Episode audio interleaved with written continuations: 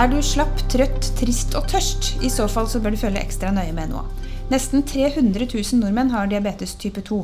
Men siden symptomene utvikler seg veldig sakte og er litt vage, er det trolig mange som har diabetes type 2 uten å vite om det. Det kan gå bra en stund, og så går det ikke så bra lenger.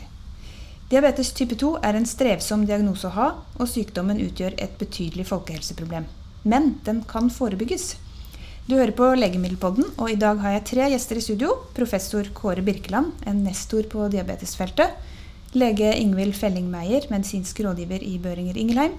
Og farmasøyt Trond Meti, medisinsk sjef i Novo Nordisk. Velkommen. Takk. Tusen takk. Eh, og først til deg, eh, Kåre Birkeland. Du er altså professor ved avdeling for transplantasjonsmedisin ved Universitetet i Oslo. Overlege ved Oslo universitetssykehus. Sentral ved Oslo diabetessenter og har forsket på diabetes type 2 i over 30 år. Altså en pioner. Eh, kan du forklare først forskjellen på diabetes type 1 og type 2? Ja. Eh, diabetes type 1, da mister man evnen til å lage insulin. Insulinproduksjonen blir helt borte, og insulin er et hormon som er helt nødvendig for å regulere blodsukkernivået. Så hvis man ikke får insulinbehandling med diabetes type 1, så går det veldig dårlig, og man, de aller fleste vil dø i løpet av uker og måneder. Så i år er det 101 år siden man fant eh, insulin og kunne begynne å behandle pasienter med insulin. Eh, og det var jo en stor oppdagelse og redda livet. Slik at eh, diabetes type 1 kan man få hele livet, men de fleste får det før 30 års. Halvparten får det før 15-årsalder. Slik at man snakker ofte om ungdoms- eller barnediabetes, men man kan altså få det hele livet. Alle må behandles med insulin, og det skyldes at immunforsvaret ødelegger de insulinproduserende cellene. Eh, diabetes type 2 er en veldig annerledes sykdom. Kanskje. I hvert fall har vi tenkt sånn til nå.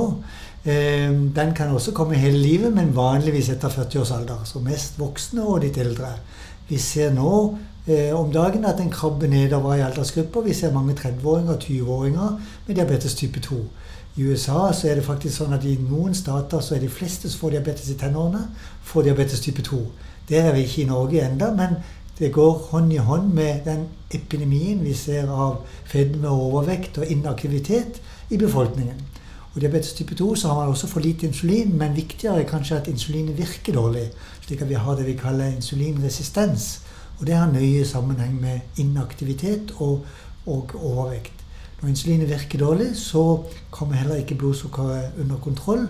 Og man får dessuten en del andre problemer i forhold til hjerte-karsykdom, høyt blodtrykk og forstyrrelser i blodfettstoffene. Og eh, det er et sånn sammensatt bilde som vi ser ved diabetes type 2. Og 90% av de eh, pasientene som vi har i vårt land, de har faktisk diabetes type 2, som du sa. Det er to veldig forskjellige sykdommer. Burde de hett noe litt mer forskjellig enn type 1 og type 2? Ja, kanskje fremtiden vil vise det. Og, og, eh, vi har jo i dag også en stor diskusjon om at det kanskje finnes mange undergrupper av diabetes type 2, og kanskje også undergrupper av diabetes type 1. Så det kan godt hende at i fremtiden at vi vil eh, se at dette er forskjellige sykdommer som har både forskjellig prognose, forskjellig risiko for, for, å utvikle komplikasjoner, og også skal ha forskjellig behandling. Men vi er ikke helt der i dag, så foreløpig så får vi kalle type 1 og type 2. Mm. Men du sier det skyldes jo bl.a. Uh, overvekt og fedme. Og det er en del stigma knytta til den sykdommen. Uh, kan du fortelle litt om det? Ja, det er jo dessverre slik uh, at uh, vi har et, et stigma knytta til det å, ha, å, være overvektig og, og ha fedme. Og det gjelder også for de som har diabetes type 2. Og man, man blir ofte Man tenker ofte at det er selvforskyldt, at det skyldes at man er dum og har tatt feil valg. Men det er nok i veldig stor grad uriktig. Eh, for det første så er det en sterkt arvelig komponent. Vi vet at hvis man har en av foreldrene har diabetes type 2, så har man 40 risiko for å utvikle det. Hvis begge foreldrene har det, så har man 70% risiko. Så, så, det går i familier, og det er en sterk arvelig komponent.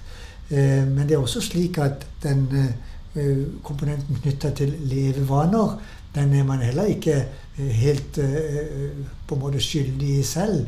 Det er mange ting nå som tyder på at man har en disposisjon også for å, og, uh, har endring i reguleringen av sult og metthet og, og risiko for å legge på seg.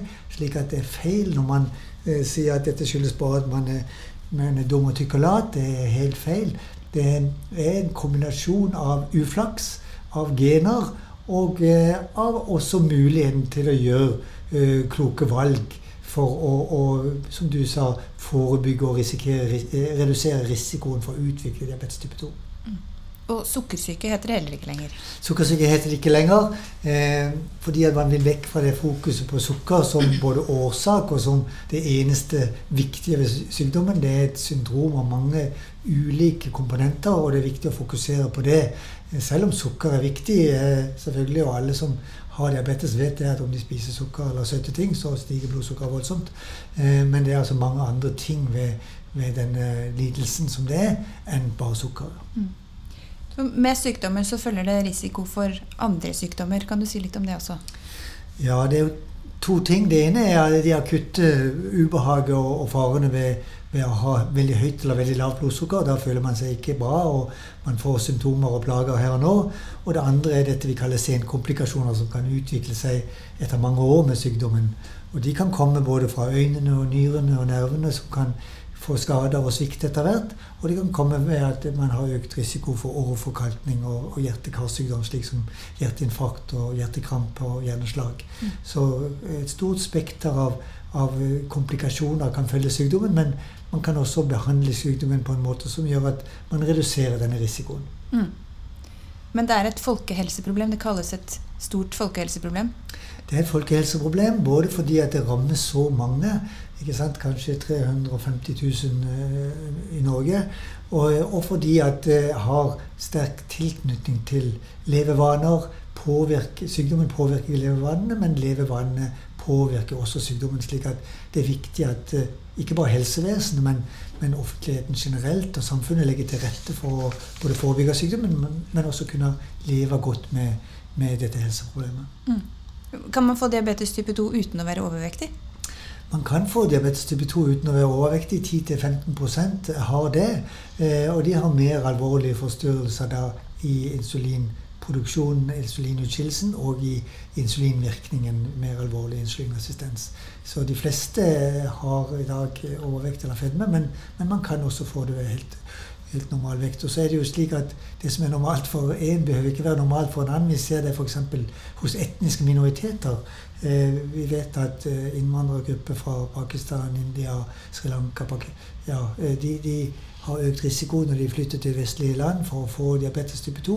Og de tåler fedme og overvekt dårligere, så de får diabetes lettere på lavere kroppsmasseindeks ved lavere BMI enn de får de i Europa. Og det har sannsynligvis med, med arvelig disposisjon å gjøre.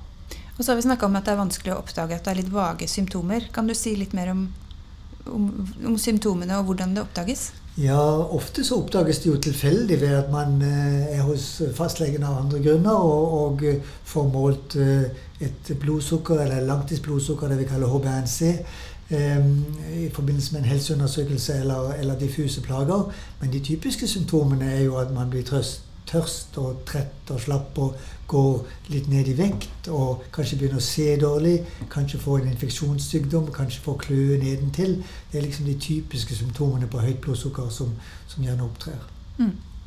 Eh, og så er det noen som også oppdages når det legges inn for eh, langt mer alvorlige ting? Ja, det er ikke så uvanlig det at man blir lagt inn med et hjerteinfarkt eller, eller et hjerneslag eller en annen alvorlig sykdom, og så finner man tilfeldig et høyt blodsukker. Det er blitt veldig vanlig nå at man på nesten alle pasienter som legges inn i sykehuset, ikke bare måler blodsukker, men også et sånn langtidsblodsukker, en HBNC, slik at man finner uoppdaget diabetes. Men hvordan kan man eh, oppdage det tidligere? Hva kan man gjøre for at, at flere blir oppdaga tidligere? Ja, det viktigste er at det har en lettvint og god måte å diagnostisere det på, og det har vi fått ved å måle langtidsblodsukker og HBNC, som vi innførte i Norge nå for ti år siden. Og da så vi at etter det så har vi mye færre uoppdagede eh, med diabetes i Norge.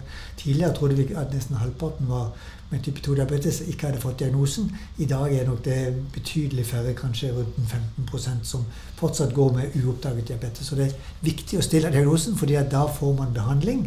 Eh, og kan, kan, normalisere blodsukkeret med god behandling. Og også få behandling for de andre risikofaktorene, sånn som blodtrykk og forstyrrelse av fettstoffskifte og sånne ting. Så det er viktig å stille diagnosen, og fastlegene er blitt ganske gode til det. Mm. Vi skal snakke mer om, eh, om, både forebygging og behandling, men jeg må introdusere de andre to gjestene litt nøyere også. Eh, Ingvild Felling Meyer fra Børinger Ingelheim, kan du fortelle litt om eh, din bakgrunn?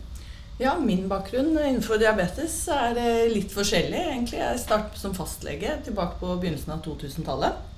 Og da behandlet jeg jo mange med overvekt. Og det var litt sånn liten plass egentlig i, eh, i en fastlegepraksis til det. Så jeg gikk helt slett ut av fastlegepraksis og begynte å jobbe privat. Jeg eh, var innom Fedon Lindberg, men startet også etter hvert min egen klinikk med forebygging. Og eh, da kan vi si forebygging av diabetes type 2, men det var jo behandling av overvekt med tanke på å forebygge diabetes type 2, og også behandle diabetes type 2. Eh, og så har jeg gjort eh, litt andre ting òg. Jeg har jobbet de siste åtte årene innenfor, eh, i Helsedirektoratet med diabetes som fagfelt.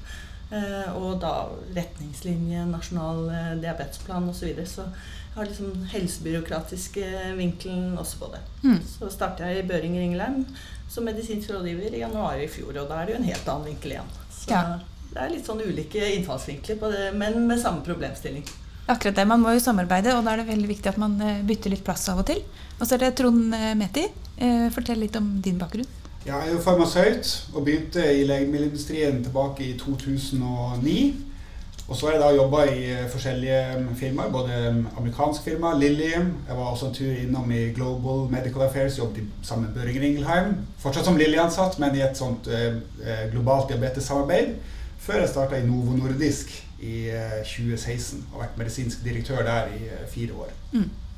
Det er jo mange selskaper som jobber med diabetesbehandling og forebygging, men dere da representerer to av dem.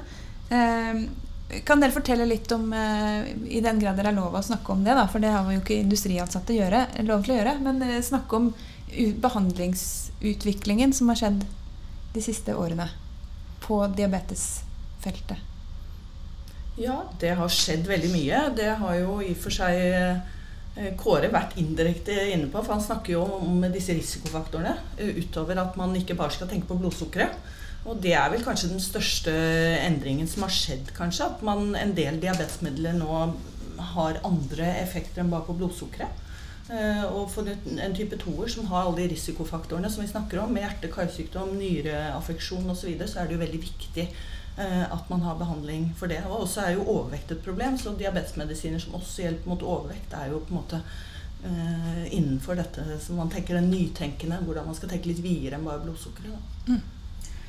Kan si at mye av denne, Det beskrives som et paradigmeskifte. starta med et, et, krav fra først amerikanske og deretter europeiske legemiddelmyndigheter om at nå får dere i legemiddelindustrien eh, la molekylene deres gjennomgå rigorøse kardiovaskulære sikkerhetsstudier. Vi vil ha sikre evidens på at eh, de eh, legemidlene dere markedsfører, har en god sikkerhetsprofil. Og Det var egentlig startskuddet, og vi ble tvunget til å gjennomføre den type store studier da snakker vi om 5 000-10 000 pasienter studert i flere år. To, tre, fire, fem år lange studier. Hvor man da ser på, eh, som Ingvild beskriver, harde endepunkter. Hjerteinfarkt, hjerneslag, kardiovaskulær død, etter hvert hjertesvikt, eh, nyresykdom. Og det har jo vært banebrytende, fordi man da har fått eh, avdekket eh, effekter som da er, eh, går utover det tradisjonelle endepunktene man har sett på tidligere HBNC. Og det er også langtidsblodsukker. Langtidsblodsukker, som også er viktig. En veldig viktig behandlingsparameter. Men det å kunne dokumentere effekt på harde endepunkter har selvfølgelig veldig mye å si. Og har jo da vært banebrytende vil jeg si, for utvikling av retningslinjer og, og klinisk praksis. Og det har jo vært eh, en, eh, en, fantastisk eh, reise å ha vært med på og sett den utviklinga. Men hva er den tradisjonelle måten å behandle diabetes type 2 på? Ja, det har jo vært å, ta utgangspunkt i blodsukkeret og bruk av medikamenter som reduserer blodsukkeret. Eh, og da har vi noen medikamenter på markedet som har vært der i 50 år, eh, og som fortsatt er, er brukt. Og også altså Metformin og den gruppen som vi kaller for sulfonylurea-preparater, har vi hatt så lenge på markedet. Og fortsatt er Metformin førstevalget ved behandling av type 2-diabetes. Eh, og det er både eh, effektivt, og det er, har lite bivirkninger. Og det er billig i bruk. Eh, men som, som, det ble nevnt her, så adresserer det først og fremst det høye blodsukkeret og reduserer blodsukkeret. Og det har vært Eh, og det er viktig, fordi at det forebygger mot den diabetiske øyesykdommen og nyresykdommen og nervesykdommen. Men det har vært vanskelig å vise at disse tradisjonelle midlene har noen effekt mot uh, hjerte-karsykdom. Og hjerte-karsykdom, altså hjerteinfarkt, hjertekrampe, hjerneslag og dårlig sirkulasjon i beina, det er liksom det som har tatt flest liv ved diabetes type 2, og også gitt veldig mye sykelighet. Så som Trond nevnte her, så var det da et paradigmeskifte når man da i 2015 fikk den første studien som viste at blodsukkersenkende behandling med andre antidiabetikere ikke bare reduserte blodsukker, men også kunne forebygge mot hjerte-karsykdom og mot for tidlig død. Og De første medikamentene som kom, hørte jo til denne gruppen som vi kaller SGLT2-hemma. Det var empagliflosin. Og senere har vi fått flere medikamenter i samme gruppen. Dapagliflosin, canagliflosin har i Norge, ertogliflosin. Som alle sammen virker nokså på samme måte, og som har vist at de har omtrent tilsvarende egenskaper. Så det var et stort fremskritt når det kommer. Så har vi eh, etter det fått også andre medikamenter i gruppen GLP-1 reseptoragonister, GLP-1-analoger, som også har vist at de ikke bare senker blodsukker effektivt, men de også reduserer hjerte-karsykdom. Så det har vært et, et veldig viktig utviklingen fra de tradisjonelle midlene og fokus på blodsukker til å se litt videre på det, og nå tenke organbeskyttelse når vi velger medikamenter. Så de både behandler eh, diabetes type 2-sykdommen og forebygger annen ytterligere sykdom. Ja, det er viktig. Og så kan man også diskutere forebygging av diabetes type 2, men det er jo til en annen gruppe personer. ikke sant? Det er folk som ennå ikke har fått diabetes type 2. Men man, kan, eh, når man behandler med, med, de medikamentene som er godkjent for bruk ved type 2-diabetes, så, så, er det forebygging av senkomplikasjoner, og selvfølgelig også å, eh, å redusere eller fjerne symptomer på høyt blodsukker her og nå, som ikke minst er også viktig. Mm. Hvordan kan diabetes type 2 forebygges, da? Det kommer litt an på hva, hvordan man definerer sykdommen. Jeg mener jo at Et grunnleggende premiss er at eh, en, en, betydelig driver av patogenesen er en vedvarende eh, metabolsk overbelastning. Kan du, si det, kan du, si det, på norsk? Altså La oss si at du har for mye kalorier enn det kroppen har behov for over lang tid. Og kroppen vil jo forsøke å lagre det på en hensiktsmessig måte i fettvevet sitt, men på et eller annet tidspunkt vil kapasiteten der overskrides, og det begynner da å opptre i blodet, i sirkulasjonen. Og da har man jo det som man da vil kunne måle biokjemisk som manifest diabetes. Og så hvis man har det som premiss, så vil det være en logisk eh, antakelse at hvis man reduserer kaloritilgangen, reduserer kaloritilførselen, så vil du kunne eh, bruke det som en behandlingsmåte. Livsstilsendring, som Kåre har nevnt. Og Det har man jo etter hvert gjort studier på som jeg syns er veldig overbevisende. I Storbritannia bl.a. Direct-studien med Roy Taylor. Og, og, de viser jo at de pasientene som lykkes med det, eh, en, eh, en, betydelig kalorirestriksjon og går ned i vekt, og særlig da den kategorien som går ned mest i vekt, 15% eller mer, så har man jo en betydelig eh, reduksjon, i hvert fall biokjemisk, da, av deres diabetestilstand. Så kan man diskutere om de har blitt kvitt sin diabetes, eller om de er, har reversert eller er i remisjon. Men de har i hvert fall fått eh, en, en, veldig god eh, kontroll over sitt blodsukker.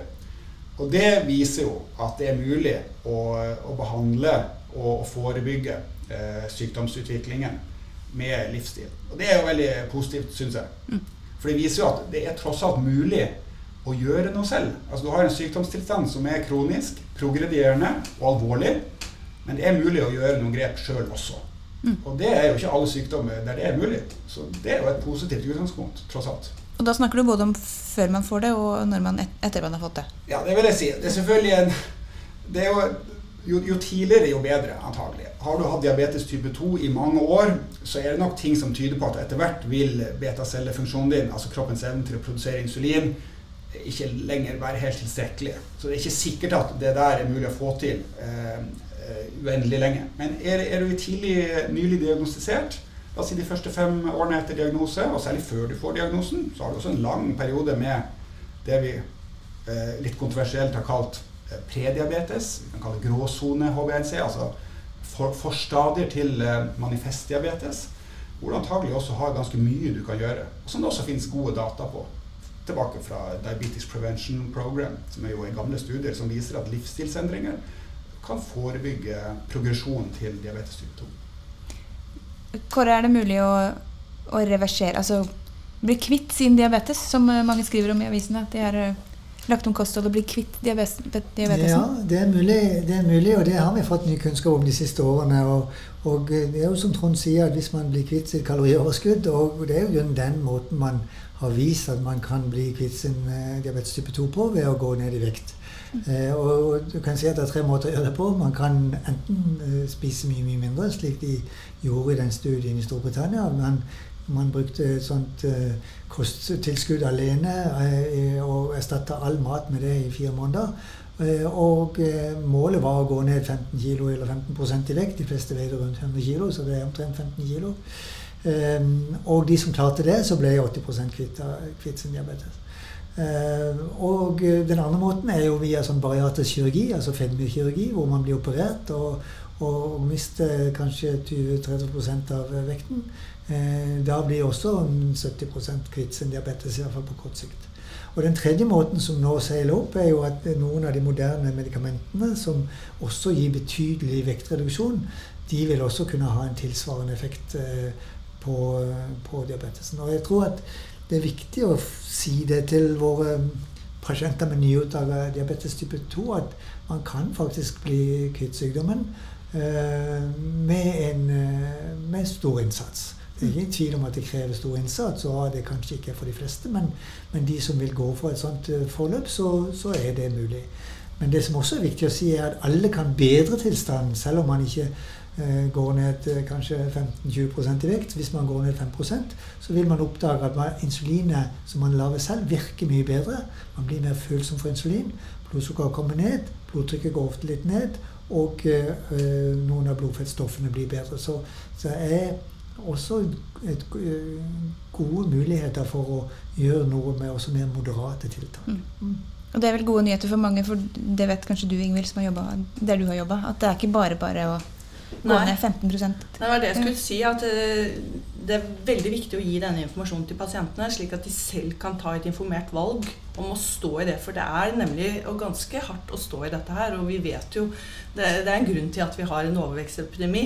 At eh, den ikke er løst, på en måte. Det er jo at dette er fryktelig vanskelig. Ja, det er én million nordmenn som er overvektige. Ja, og det er jo noe med det at uh, vi lever i et uh, kaloririkt samfunn. Det er på en måte tilbud overalt hvor du snur og vender deg. Så, så, det å på en måte stå i et så hardt løp når, når samfunnet for øvrig ikke er lagt opp til det, det, det kan jo være tøft. Og så er det noe med behandlingstilbudet.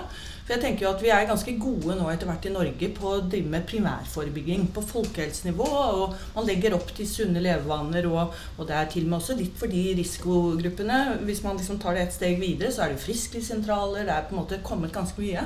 Men for de som på en måte skal ha en hjelp til vektreduksjonen inn i det etablerte helsevesenet, hvis man ikke skal gå til så drastisk til de som har kommet opp i så stor vekt at de trenger bariaterkirurgi. Fordi i mellomgruppen, la oss si at du har en BMI mellom 27 og ja, 30-32 kanskje, noe sånt, hvor du ikke er kandidat for, for denne kirurgitypen, da er det ikke så eh, godt etablerte behandlingstilbud. Altså rett og slett Helsevesenet er ikke innrettet godt nok innenfor eh, det etablerte. Og der, der, må man gjøre en større innsats.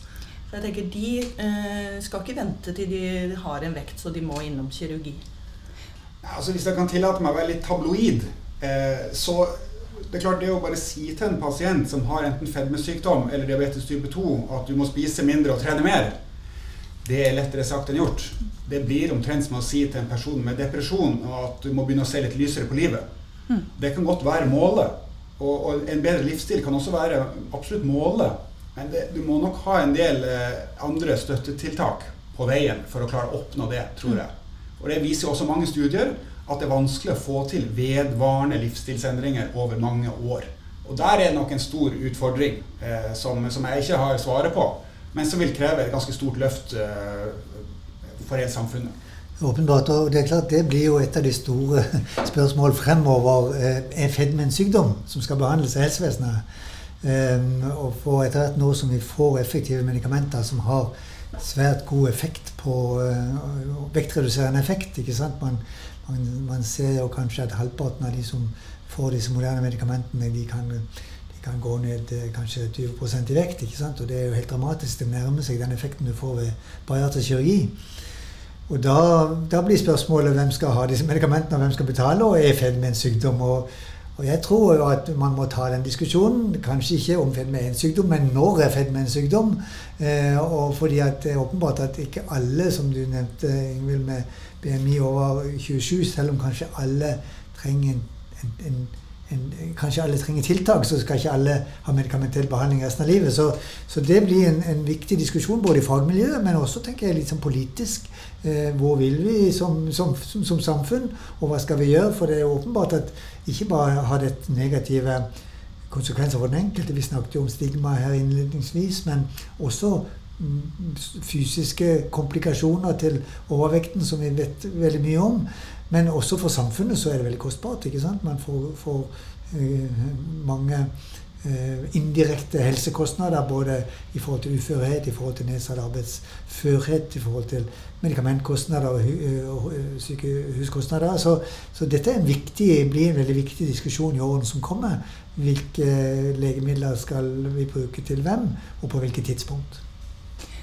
Og industrien leverer jo legemidler, men uh, i motsetning til hva mange tror, så er også industrien interessert i å bidra til forebygging. Uh, og det foregår en del prosjekter nå, samarbeidsprosjekter mellom industrien og det offentlige på dette? Altså, det er klart at jeg tenker at legemidler det jo, kan være nyttig verktøy for å oppnå et mål. Men, men, det er jo veldig mange flere komponenter i et sånt pasientforløp som må på plass. Og, og, der tenker jeg vi kan, kan, ha et nærmere samarbeid med, med klinikere og, og, og, fageksperter. Altså. Eh, og det går jo på f.eks. det å, å, legge til rette for noe som er praktisk anvendbart. Altså behandlingsstøtte, rett og slett. For å lykkes med, med livsstilsintervensjon og det handler jo både om å, å, å kartlegge, utrede pasienten og, og, sette opp behandlingsmål. Og få dette her til å fungere i, i allmennpraksis, som Ingvild nevnte her i stad. Altså, hvordan kan du få det her til å gå i hop eh, i primærhelsetjenesten, som skal håndtere et relativt stort eh, volum av pasienter? da, Og som kan også tidvis være tidkrevende, fordi det er flere elementer i bildet her. Komorbiditet og, og for så vidt psykologiske aspekter. Så det er det vil også kreve litt nytenkning, tror jeg. Og, og, og, det som også da er gledelig, er jo at, eh, at det har blitt en større vilje eh, til å samarbeide med legemiddelindustrien om den type prosjekter også. Og Det er det jo flere eksempler på. Vi samarbeider jo med, med flere.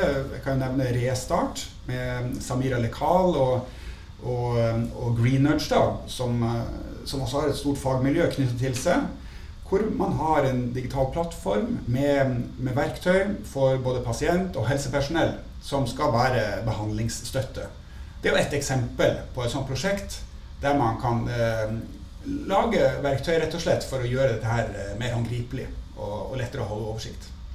Du har også noen eksempler på ja, vi har også, I Børing Ringheim har vi også ulike prosjekter. og Et av de som jeg syns er veldig spennende, det er at vi har et samarbeid med et eh, firma som heter ChangeTech for utvikling av en digital plattform som heter Easy Change.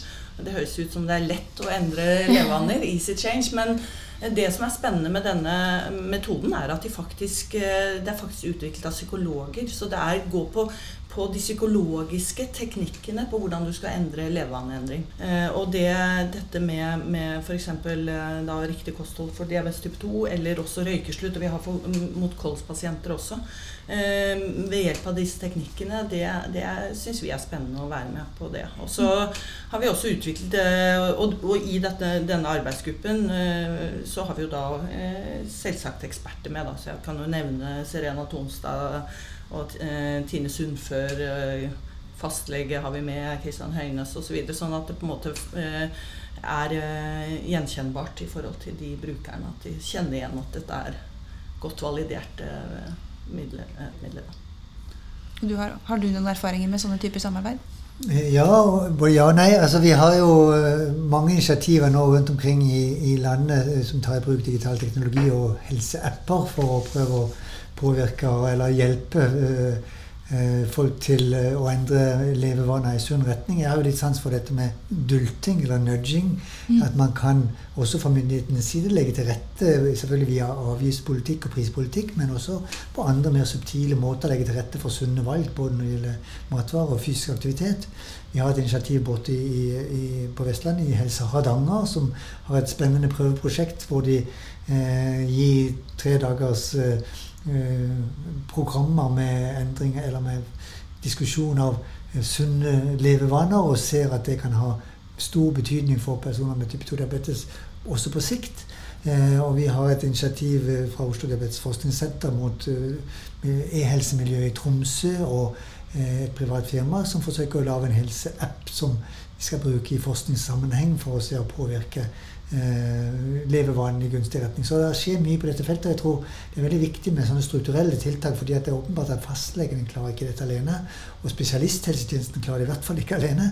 Eh, så hvis vi ikke skal se en stor oppblomstring av en alternativ privat helsetjeneste som jeg tror ikke vi er tjent med, så, så, trenger vi et samarbeid på tvers av, eh, av helsetjenestenivåene, og også med industrien, tenker jeg, som kan bidra og legge til rette. Og, og Der tror jeg den, de digitale verktøyene blir veldig veldig viktige. Ja, og jeg tenker også det du sier med eh, samarbeid på tvers, at det, dette er et såpass eh, komplisert problem, det med fedme, da, hvis vi sier det i første omgang. At vi trenger jo alle aktører på banen. Og de strukturelle tiltakene har vært inne på, men jeg tror man også trenger å å påvirke eh, de som tar beslutninger eh, i riktig grad. eh, og, og, da trenger de arenaer hvor de får på en måte bli, bli, møtt av fagfolk. Så bare ta et eksempel. Arendalsuka. Bare for å nevne så har vi hatt debatter nå i fjor hvor vi hadde om, eh, om eh, fedmeepidemien. Forebygging av diabetes type 2. I år skal vi ta det litt videre og snakke om behandling og forebygging av komplikasjoner. Og da blir det jo en arena hvert fall, hvor vi prøver å samle helsepersonell, ja. Eh, Diabetesforbundet, men også da politikere å få til en debatt. Sånn at du i hvert fall kan skape litt blest i en setting hvor det på en måte tar edgen. For det er jo det som eh, handler om å våkne litt opp og ta, og gjør, ta de riktige beslutningene, som kanskje kan være ganske eh, viktig eh, tross alt. Det handler mye om penger ikke sant? og bevilgninger og hvordan man ja, og velger for, å prioritere. Og både for pengenes del og for eh, pasientenes del eller befolkningens del, så er det vel smartere å gå inn tidlig med intensiv behandling og forebygging enn å reparere i ettertid. Det er det gjort mange regnestykker på. det er klart at vårt hovedmandat som, eh, som legemiddelindustri, det er å drive med forskning. Eh, kliniske studier, utvikling av nye medisiner og få bringe til torgs kunnskap om deres effekt og bivirkning og sikkerhetsprofil. Det er vårt viktigste jobb. Eh, og Det er jo også en type samarbeid vi har hatt med ledende kliniske eksperter gjennom mange mange år. Og vært et veldig fruktbart eh, og, og bra samarbeid. Eh, men, og det, det, har fungert veldig fint og, vært, og, og, gjort at vi kunne skape veldig mye bra resultater. Men jeg er veldig glad for at vi nå også kan samarbeide på andre arenaer, som vi har snakket om nå. Mm. At det er mulig å ha en dialog der man fortsatt respekterer de ulike rollene og har uh, fortsatt uh, Du kan si uh, en viss avklaring av hvilke ulike roller vi spiller i helsevesenet. Men at det finnes noen felles arenaer og noen felles berøringspunkter der vi også har interesser som, som er likelydende. Og det, det handler jo om bedre pasientbehandling til syvende og sist. Mm. Det er det alle ønsker å oppnå. Og Hvis man kan klare å forenes da om noen eh, prosjekter som er til pasientens beste, så tenker jeg det er veldig positivt. Og da eh, syns jeg jo den, Jeg vil si at i den tiden jeg har jobbet i legemiddelindustrien, 12-13 år nå, så har det vært en, en stadig mer eh, positiv holdning fra kliniske eksperter og fagmiljøene til å ha den type samarbeid. Og Det syns jeg er veldig gledelig. Og det, og det, har vært veldig fruktbart å kunne være med på den type prosjekter, og, og, rett og slett ha en åpen dialog kring det. Vi vet jo nå mye, men uh, det er mye vi også ikke vet. Uh, Kåre, hva, hvilke studier uh, savner du på dette feltet? Hvilke svar ville du gjerne hatt? Ja, jeg har jo stor tro på at forskning kommer til å løse diabetesgåten.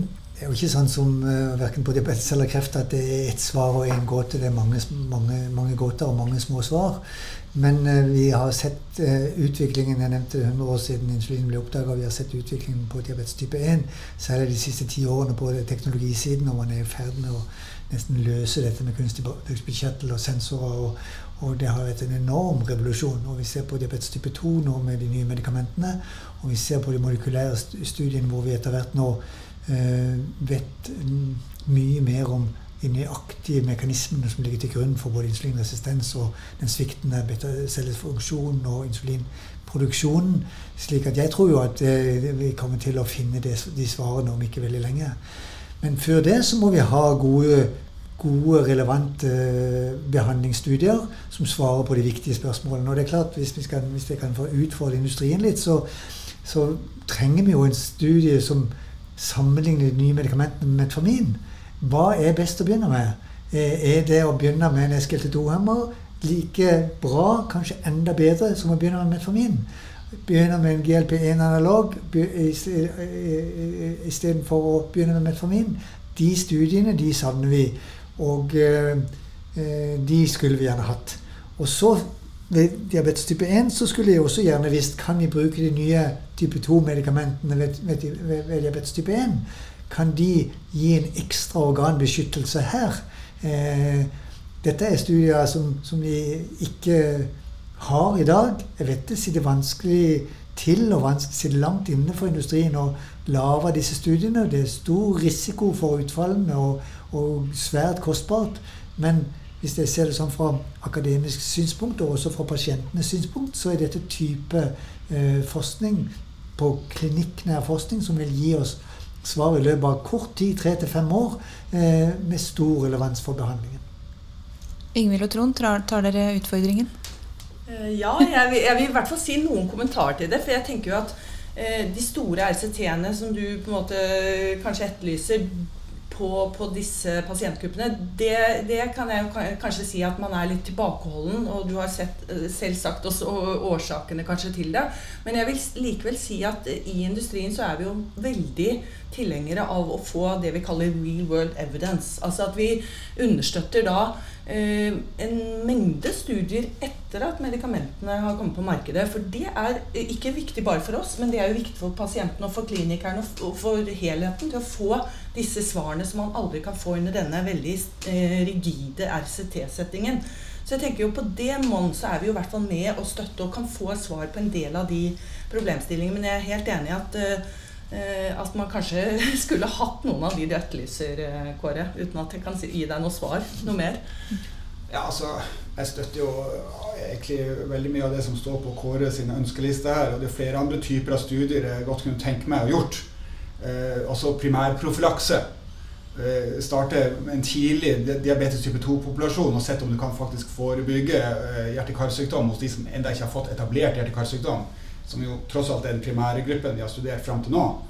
Det ville vært en drøm. Og det å sammenligne medikamenter mot hverandre i et litt lengre tidsperspektiv, med head-to-head-studier, hadde også vært veldig interessant å, å funnet ut av. Og sett på andre pasientpopulasjoner, som det blir nevnt. Diabetes type 1, selvfølgelig. Vil de kunne dra nytte av de effektene man har sett på diabetes type 2? Det vil også være veldig interessant. Det er klart at vi når vi designer en studie, så er det ikke noe vi sitter og finner på. Det er jo gjennom en dialog med myndighetene. Det er jo de som setter premissene for hva som skal til for å få en indikasjon. EMA og FDA. Og vi må forholde oss til det de har bestemt.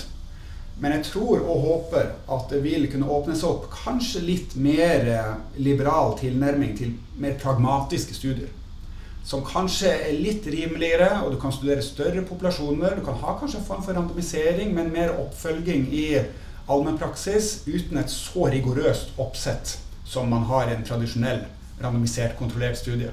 Og Det vil jo nok antagelig kunne åpnet opp eh, muligheten til å produsere kunnskap i enda større grad.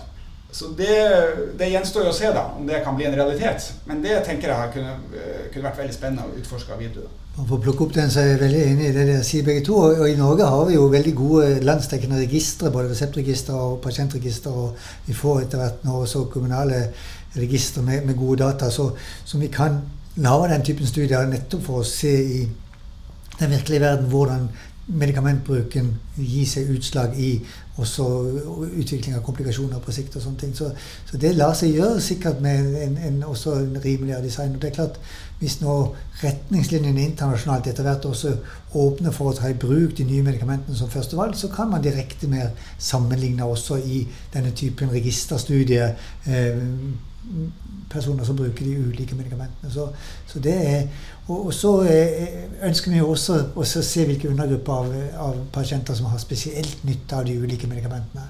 Og da er det interessant nå nettopp på, på det amerikanske diabetesmøtet så presenterte man uh, noen av disse store studiene som har vært. Jeg har vært med på Origin-studien som brukte eh, Lantus, uh, LIDA-studien med med liraglutid og, og, flere andre studier, hvor man har gått inn og sett på disse nye kategoriene av uh, diabetesinndeling. Er det fornuftig i forhold til, til uh, den måten de blir behandla på der? Og da kan man se er det undergrupper som har spesielt nytte av disse medikamentene. Og den typen uh, forskningsstudier er veldig interessant og, og vil gi oss nye, ny kunnskap, tenker jeg. Og det, i, de store studiene som vi gjør nå, så høster vi også inn genetisk materiale for å kunne se på farmakogenetikk og se er det noen særskilte populasjoner som responderer spesielt godt, f.eks. Er det mulig å si noe om kan biomarkører eller genetikk brukes for å, å, å gi mer veiledning om hvem som har særskilt nytteeffekt av de ulike medikamentklassene? Så, sånn sett vil man også få mer kunnskap. Mm. Men enn så lenge er det, nok, det er jo ganske rigorøst da, hva som skal til for å få en indikasjon og få noe inn i SPC-teksten. Der er det fortsatt relativt eh, SPC-teksten må du forklare. Altså, rett og slett, det, det som myndighetene aksepterer eh, som eh, karakteristikkene til et legemiddel, eh, altså effekt og sikkerhetsdata Det som skal inn der, det må ha vært gjennom en, eh, en klassisk fase 3 randomisert kontrollert studie. Og det er gullstandarden, og det er ikke uten grunn at det er gullstandarden. Det er den eneste virkelig sikre må måten vi har for å fem, eh, produsere evidens. Ja, da, Vi har veldig gode regelverk rundt det, men jeg tror også at både amerikanske og de europeiske legemiddelmyndighetene er interessert i den type dialog med industrien og med akademia, og, og ikke nødvendigvis løse opp, men se på alternative måter å, å, dokumentere på. Og det er klart at hvis man får den kunnskapen etter hvert at noen medikamenter virker bedre på undergrupper av, av eh, sykdommen, og sånt, så må man eh, rett og slett gjøre det på den måten der, og ta i bruk de data man har samla inn gjennom de store studiene.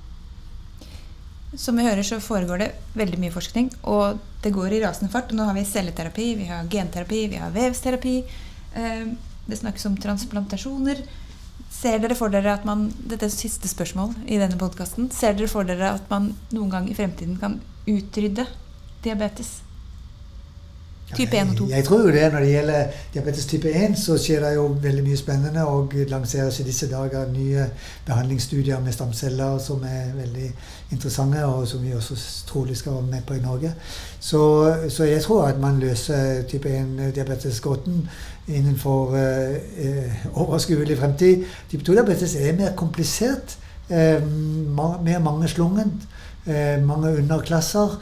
Eh, og der tror jeg at det er ikke bare eh, den én eh, typen forskning som må til, men eh, det er en kombinasjon av samfunnsrettede tiltak, individuelle tiltak på levevaner, men også rent molekylærbiologi og farmakologi, medikamentbruk.